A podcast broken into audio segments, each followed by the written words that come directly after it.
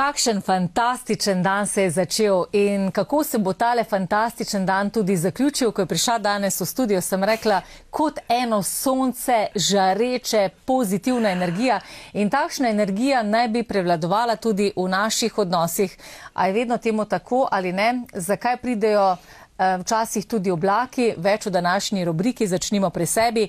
Zakaj ustrajamo odnosi za vsako ceno? Se mi zdi, da v tej temi se pa najde čisto vsak posameznik, pa si to pozna, eh, prizna ali pa ne.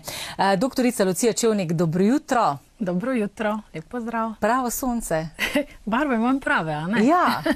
A je tudi recimo od našega razpoloženja odvisno, kaj oblečemo? Pa mislim, da ja, tudi je. Bi lahko rekli, da je od našega razpoloženja odvisno, kaj oblečemo, in je tudi naše razpoloženje odvisno od tega, kaj imamo oblečeno. Če se dobro počutimo v nekih oblačilih, tudi to kažemo na vzven. Včasih pa res v kakšni ihti naglici oblečeš kaj, kar pa mogoče ti ni najbolj. Ne? In pa tudi to mogoče kažeš na vzven. Eh, danes zelo zanimiva tema, zakaj ustrajamo odnosi za vsako ceno marsikdo od nas se je že našel v taki situaciji, pa si je rekel, vse vem, da ta eh, veza ni zame, pa še kar ustrajamo, pa rečemo, vse bo boljše, pa potem leta minevajo. Ja, res je. Ne? Veliko krat ustrajamo v nekih nezdravih odnosih zaradi različnih okoliščin, bom rekla. Ne? Včasih je tudi, recimo, če pogledamo, kako so naše babice in detki ali pa tudi naši starši gledali na to. Takrat se je nekako ustrajalo v teh odnosih bolj za vsako ceno kot danes. Danes je razhod kot tak, ločitev nima več tako visoke stigme, kot je to bilo včasih prisotno. Um, ampak kljub vsemu, ne, če sta dva sta vzdrževala nek dober zakon, če sta že oba dva upravljala neke svoje dolžnosti. Um, danes pa imamo ljudje bistveno višja pričakovanja. Ne. Se pravi, želimo si več od sebe, od partnerja, od življenja kot takega. Skozi življenje nekako osebnostno rastemo, zorimo, želimo si izpolnjevati neke svoje cilje, neka svoje pričakovanja in se seveda zaradi tega tudi precej spreminjamo skozi življenje. In um, ne vem, po 20 letih dva človeka, ne, ki sta začela neko partnersko zvezo pred časom, verjetno nista več ista, kot sta bila. In če ni bilo tega nekega usklajevanja, če ni bilo, bi rekli, dela na, na zvezi kot taki, potem um, se lahko nek dan zazreta drug drugemu oči in se pravzaprav ne prepoznata mhm. več. Um, kakšne so statistike, koliko je ločitev zdaj v zadnjem času? Zdaj prav statistik ne poznam, ampak ja, precej več, kot je bilo, rečemo že, da vsak drugi zakon nekako razpade. Mm. Ne? Uh, precej visoko je to. Ampak seveda zdaj je pa razlika tudi to, ne? po drugi strani uh, ne želimo več ustrajati v nekih zvezah za vsako ceno. Um, po drugi strani pa tudi nismo več pripravljeni reševati nekih konfliktov, nekih težav, ampak enostavno rečemo, dvignemo sidro in gremo. Um, je, se kaže tudi ta način življenja v današnji družbi, kjer je vse instantno, kjer je vse nekako na dosego roke, kjer nekaj, kar ni nam všeč, ne zavržemo in kupimo drugo. Tudi to se nekako kaže v, v odnosih, v vzorcih znotraj partnerstva. Se pravi, koliko lahko najmanj dam in za tisto največ dobim. Se pravi, nočem pa se zdaj poglabljati v neko zvezo, reševati nekih problemov. Se pravi, to mi predstavlja neko težavo in enostavno kar odidem. Gre pa za druge vrste odnosov, kjer pa enostavno je ustrajanje v nekih takih bolečih zvezah še vseeno manj stresno, kot pa da odidemo iz take zveze in takrat govorimo pravzaprav o soodvisnih odnosih, kjer gre za neko obliko zasvojenosti. Uh mhm. -huh. Um, zasvojenost. Tole sem želela poprašati, a je možno to, recimo, da sta dva skupaj, pa ni nekega spoštovanja med partnerjema, um, se razideta, pa še vedno nekdo misli, da je v vezi, potem pa kar naenkrat, ko se počuti ogrožen, da bi si partner lahko našel drugo, um, recimo spremljevalka ali spremljevalca, pride nazaj in reče, da je ravnal na robe, da ni mislil tako, da ga neskončno ljubi. A je to možno, da se oseba toliko spremeni ali je to že stanje obsedenosti? Lahko da je stanje obsedenosti. Takrat, ko nekako imamo občutek, da imamo nekoga skozi na dosego roke, ga ne cenimo, ne spoštujemo, neko pa se zavemo, da lahko ta človek vendarle ustane in gre in da ne bo več del našega življenja, da nimamo uh, posestva nad njima, ne, mm. kar smo nekako to razumeli kot neko samoumevno uh, stvar, da je nekdo vse čas ob nas in da nas oboga in da počne vse, kar mi počnemo, kar mi rečemo, uh, takrat nas pa nekako zgrabi panika. Ne, in, um, imam občutek, da pač moramo zdaj nekaj hitro storiti, ne, da tega človeka ne bomo uh, izgubili. Ampak ja, v takih uh, situacijah, če, če so to neki vzorci, ki se ponavljajo, lahko govorimo tudi o nekem soodvisnem odnosu. Ne, mhm. Takrat, kjer gre pravzaprav pa bolj za neko. Bom rekla telesno, psihofizično navezanost na, na uh, partnerja, ki je seveda nezdrava. In um, je, je nekako, bom rekla, prav, uh, za, govorimo tudi o dopaminski uh, odvisnosti. Se pravi, da smo uh, odvisni prav kemično, tako kot pri nekih uh, drugih drogah, odvisni od partnerja. Ne?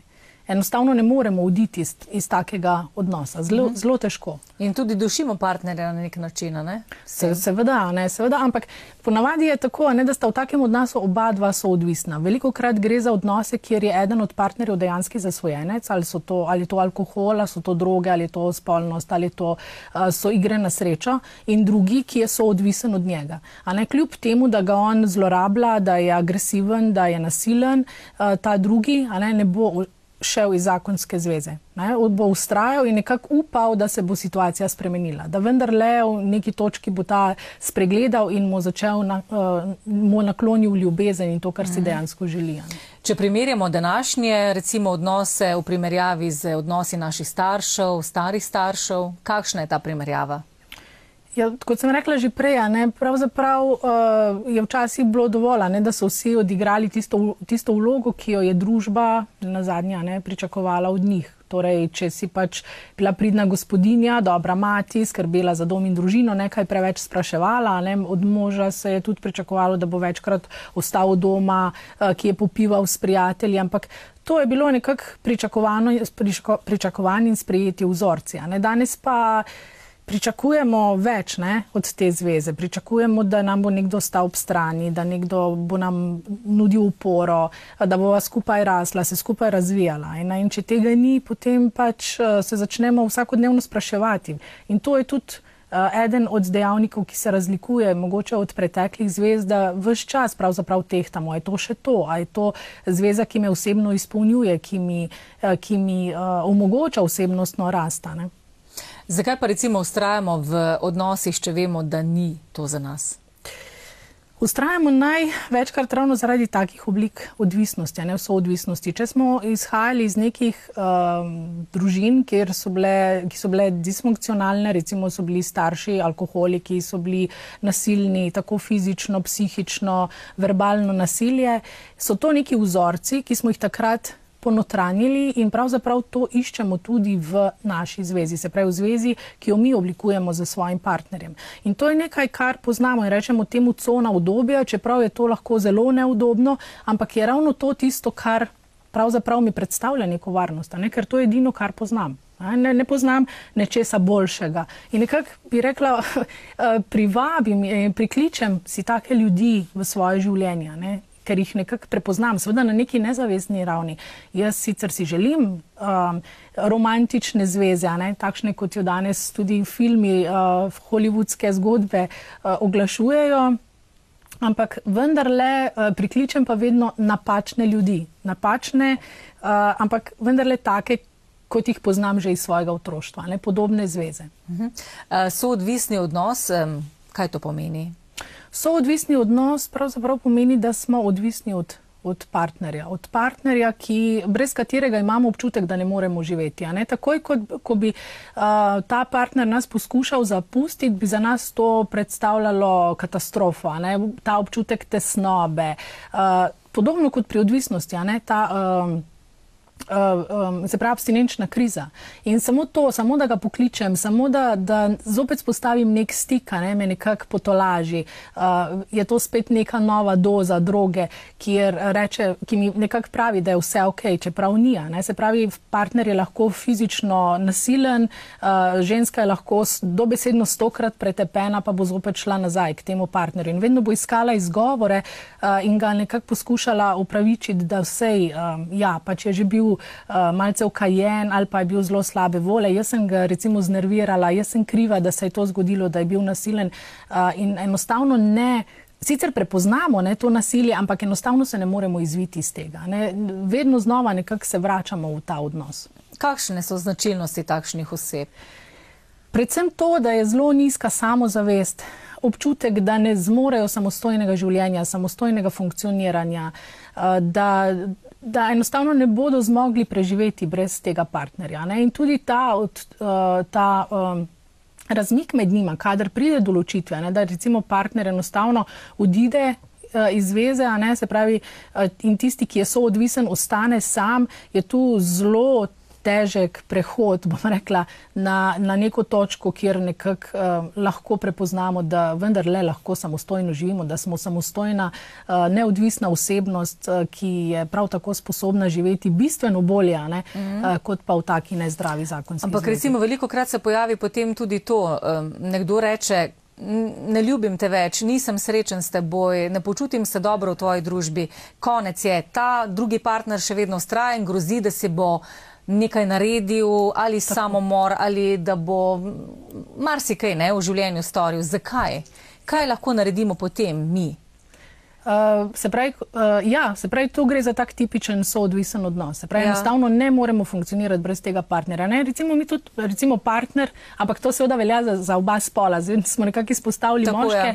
Uh, recimo partner uh, prihaja domov zelo pozno zvečer, uh, evidentno je, ali da, da zahaja k drugi ženski ali pa da popiva s prijatelji. Ampak ko se bo vrnil nazaj, a njega ženska ne bo vprašala, ki je bil, zaradi tega, ker se hoče pravzaprav izogniti dejstvu, ki bi kazalo na to, da bi se vendarle morala ločiti od njega. Ne? In to je nekaj, kar je nedopustno za njo osebno. Ne? Predstavlja preveliko travmo, da bi se lahko sploh soočila s tem in ga ne bo niti vprašala, kje je bil, ali pa ga bo vprašala in karkoli bo rekel, bo to vzela za sveto, za resnico, da se ne bo rabila spopadati z, z, z tem resničnim dejstvom, ki bi lahko nakazovalo torej na, na njuno ločitev.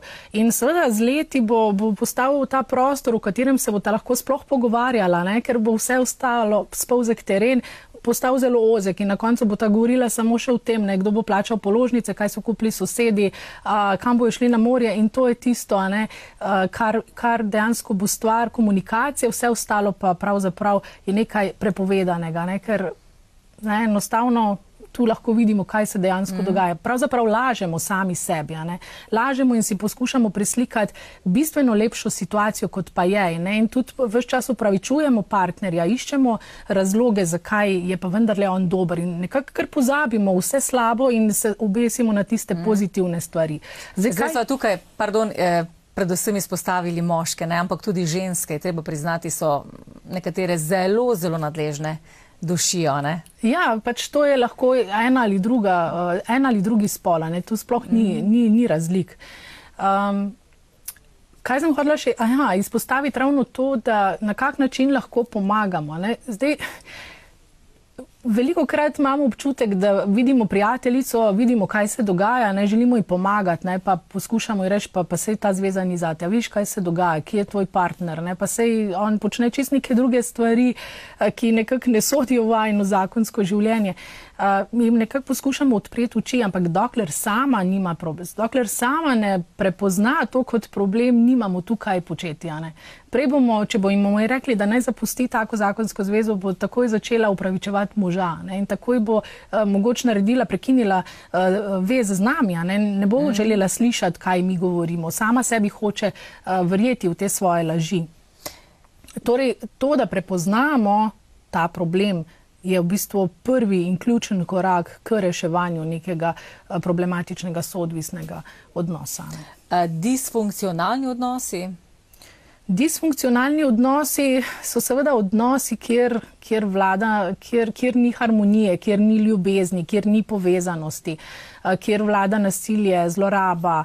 In seveda tak disfunkcionalni odnos vse, vse znotraj tega družinskega okvirja nekako vleče v ta svoj vrtinec. Ne? ne samo partnerja, predvsem tudi njune potomce. In zato rečemo, da so to vzorci, ki se prenašajo iz generacije v generacijo. Ne? Se pravi, mama bo ta vzorec prenesla na svojo hčerko, hči na svoje otroke in tako dalje.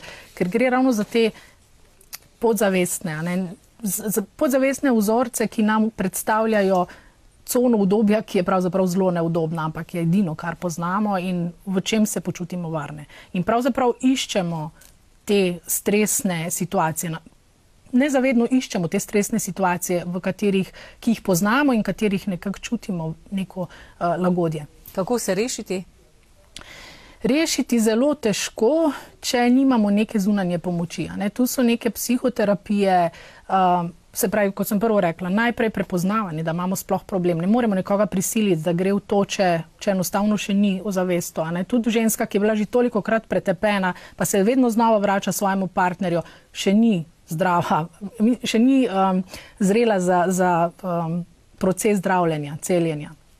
Ampak takrat, ko nekako prepoznamo to, je seveda neka zunanja pomoč ključna. Ne? Ker če ne nas, tako kot pri odvisnosti, bo potegnalo takoj nazaj. Takoj, ko bomo imeli ta občutek, da, da nimamo te droge, ne, bomo želeli nazaj. Spet bomo želeli samo en stik, samo da ga pokličem, samo da grem tja za pet minut, ampak to že pomeni, ne, da smo, smo že nazaj, smo že nazaj v tem vzorcu. Torej, imejmo lepe ljubeče odnose. Tvoje sporočilo? Tako. Ja, moje sporočilo pač nekako sledite uh, svojim željam, svojim, svojemu, uh, svojemu konceptu dobrega življenja. Ampak ta koncept dobrega življenja naj ne bo povezan z nasiljem, z, z zanikanjem samega sebe, ampak predvsem z, z, bom rekla, neko brezpogojno ljubeznijo, predvsem pač ljubeznijo do sebe v prvi vrsti. Zato rečemo, najprej moraš imeti rad sebe, potem boš lahko imel rad druge. In so odvisneži. Eh, sebe popolnoma zanikajo eh, in poskušajo biti nekdo, za katerega mislijo, da jih drugi želi in da jih bo na podlagi tega nekdo drug začel imeti rad in jih cenil. Lepa hvala in srečno. Tudi tebi hvala.